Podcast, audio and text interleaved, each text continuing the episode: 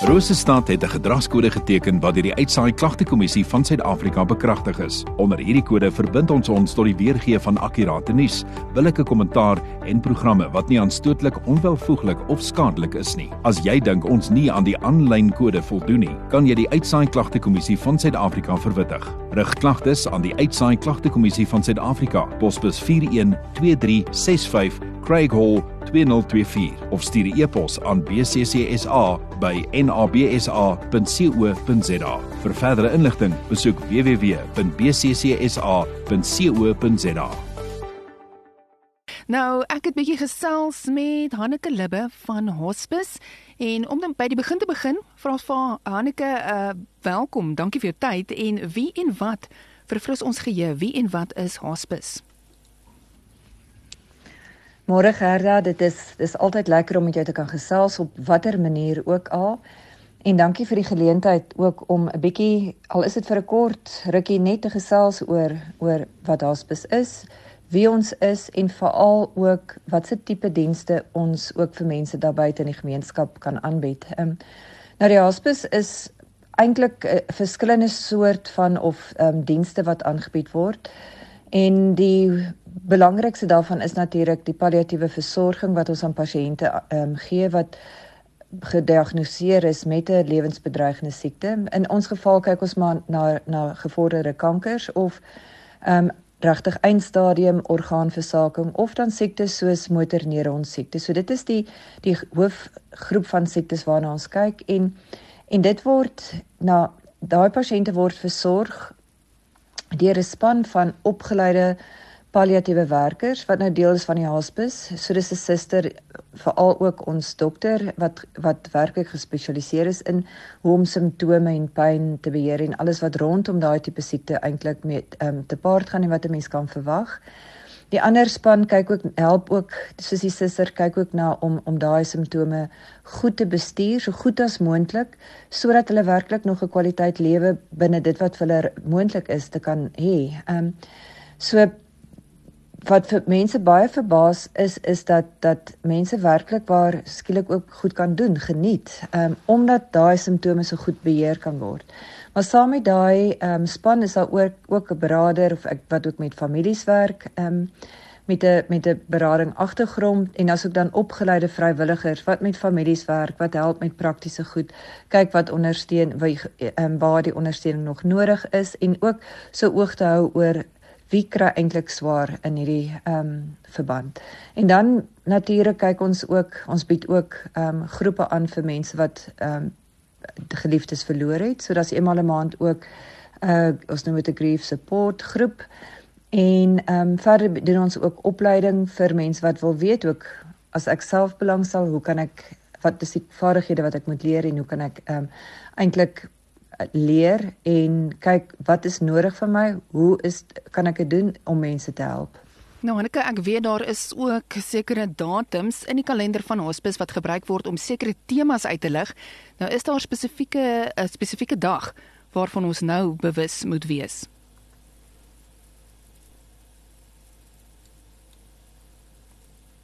Ja, jy is heeltemal reg. Daar is sekere dae nou deur die loop van die jaar wat wat gebruik word en wat ons aan half 4 of of aanwend om om meestal maar mense bewus te maak van sekere temas rondom verlies of siekte of wat 'n mens kan ehm um, verwag of in in 'n verloop van siekte of eintlik maar net van bewus te maak van dienste wat daar buite is. Ek dink baie mense weet nie wat daar al, altyd alles is nie. En sulke dae gebruik ons maar om regtig van mense in te lig en te sê, "Oké, okay, kyk, hier is hier is dit. Ons weet ook daarvan. Ons lig julle in en ehm um, julle kan ons kontak as julle meer wil weet, maar julle kan ook hier luister en kyk, hier's inligting wat as julle self ook wil wil ehm um, wou weet." So in die volgende paar weke is daar eintlik twee groot dae wat wat wat ons gaan gebruik om as bewusmaking en die een is die einde van hierdie maand die 30ste Augustus is dit Grief Awareness Day wat eintlik wêreldwyd ehm um, ek wil nie sê gevier word maar maar maar ehm um, waarvan mense dan bewus gemaak word is dan die Grief Awareness Day en die 14de Oktober is dit die World Hospice Palliative Care Day waaroor ek ek hopelik volgende maand kan praat. Maar ehm um, vir nou is dit gaan ons kyk hoe kan 'n mens mense weer eens inlig en ehm um, bewus maak van wat is dit as 'n mens rou? Hoe lyk dit? Hoe voel dit? En ehm um, inligting gee uitdeel aan mense sodat hulle bemagtig kan word om te en te kan verstaan. Dit is wat gebeur as ek iemand verloor. Nou Anneke, dis die stem van Anneke Libbe van Hospice Bloemfontein. Sy het nou gepraat oor daai wat uh, temas wat ons gaan uitlig. Nou Anneke, hoekom is dit belangrik om mense oor verlies en die rouproses in te lig? Gerard, dis 'n interessante vraag, ja. Hoekom is dit belangrik om mense in te lig?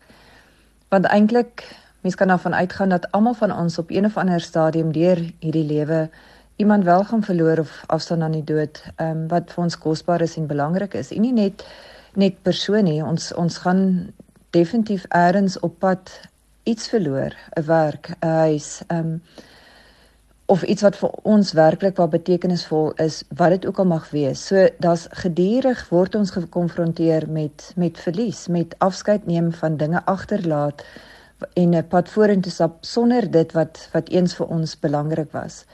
So mense sou dink 'n mens weet eintlik, 'n mens word gebore met met die met die vermoë om deur verlies te kan werk.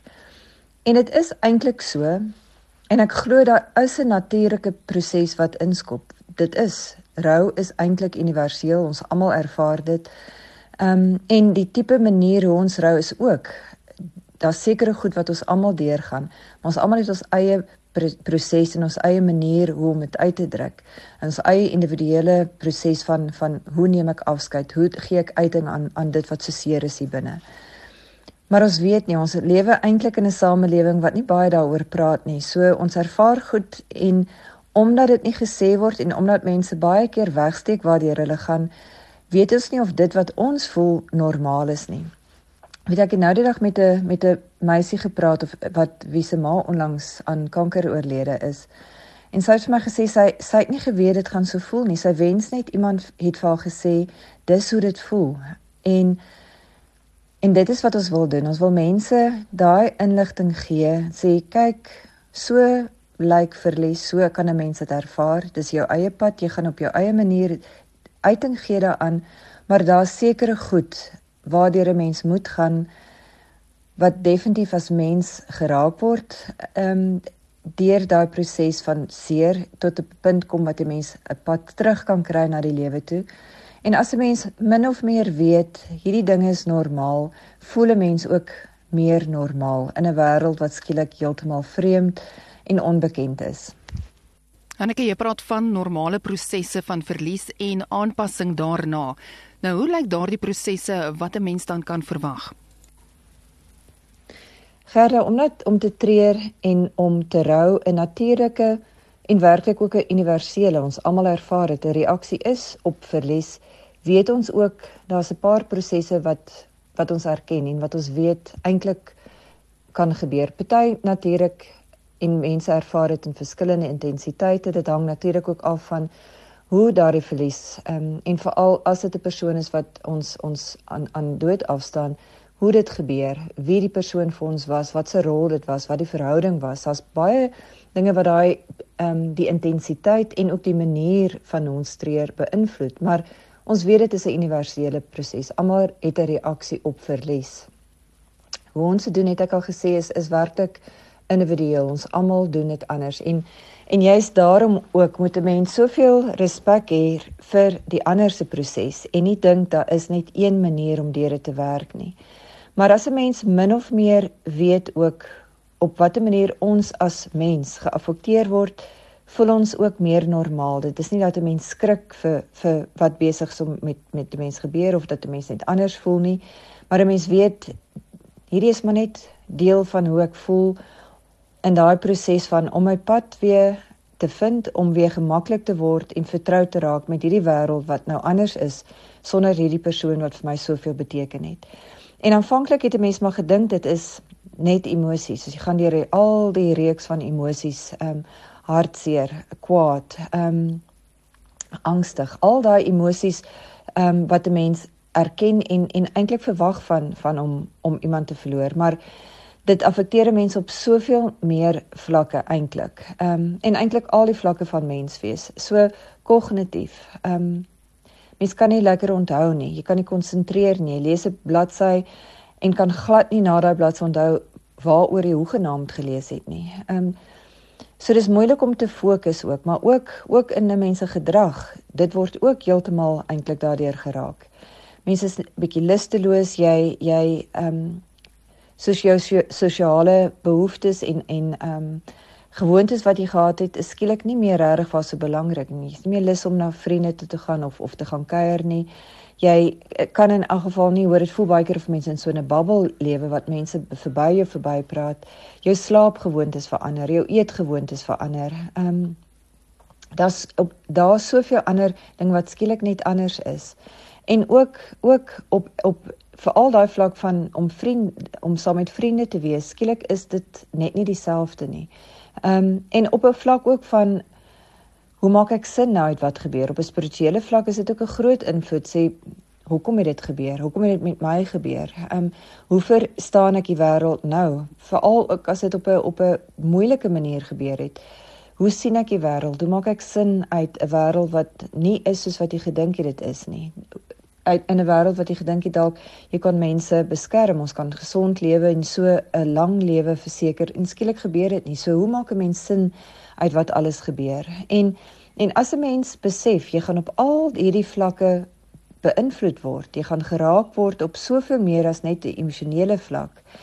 Weet 'n mens ook dit kan 'n mens verwag. Dis normaal.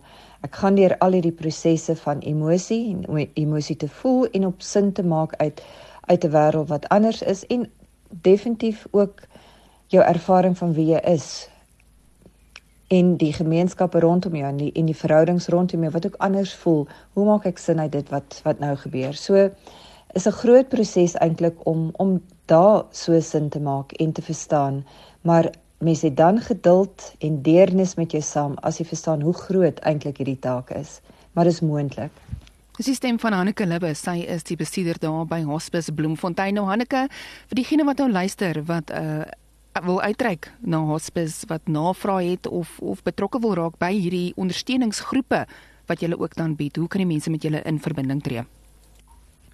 Mense is om baie welkom om ons te kontak. Al ons besonderhede is op ons webtuiste of op ons Facebook bladsy.